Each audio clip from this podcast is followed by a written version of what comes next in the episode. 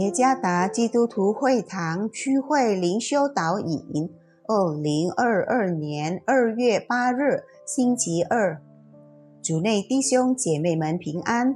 今天的灵修导引，我们要借着圣经罗马书第三章二十一到二十二节来思想今天的主题：称义和区别。作者房仁康传道。罗马书第三章二十一到二十二节。但如今神的意在律法以外已经显明出来，有律法和先知为证，就是神的意，因信耶稣基督加给一切相信的人，并没有分别。一位名叫蒂迦的单纯少年，第一次到城市寻找他的亲戚。他在一排店屋之中找到了此地址。当他进去时，看到了“欢迎光临”的词，并受到店员的热情接待。然而，当他更进到里面时，他感到困惑，因为在房间的角落写着。禁止进入。又到另一个房间，写着“仅见员工”。当他又到别一个房间时，再次看到“闲人免进”的词。蒂迦问看守的守卫：“先生，在门口不是写着‘欢迎光临’且热情的招待？”但进到里面却有禁止进入的词，好像不欢迎我。守卫回答：“小朋友，为了安全之故，我们对来访者采取了不同的迎接方式。”从这件事后，蒂迦对现实生活的眼界大开。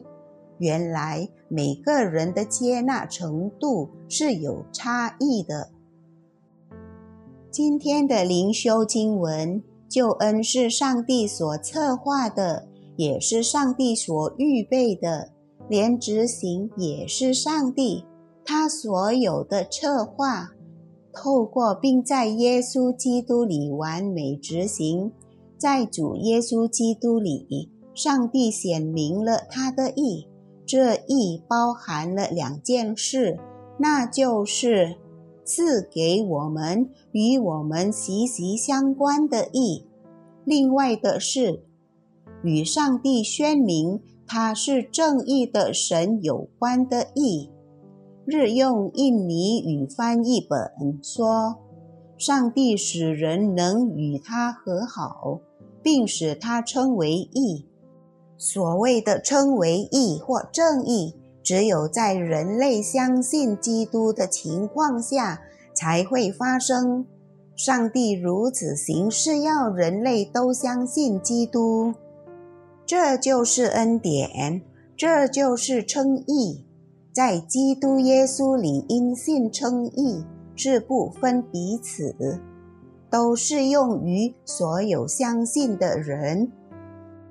上帝的恩典赐给凡相信他的人，救恩不仅限于犹太人，而是包括万民，使人类可以接受基督耶稣，清楚地认识和相信这一，让人肯定地相信，并认真地执行和委身。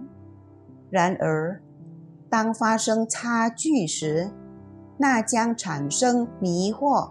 和被排斥的感觉，就好像故事中蒂迦的遭遇。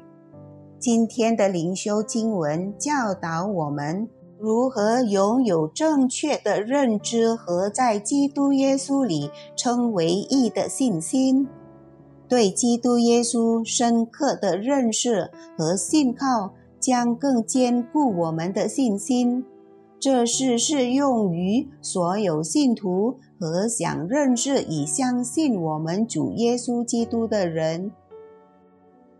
唯有上帝的恩典，让你以及所有信徒能拥有信心，并在基督耶稣里被称为义，主耶稣赐福。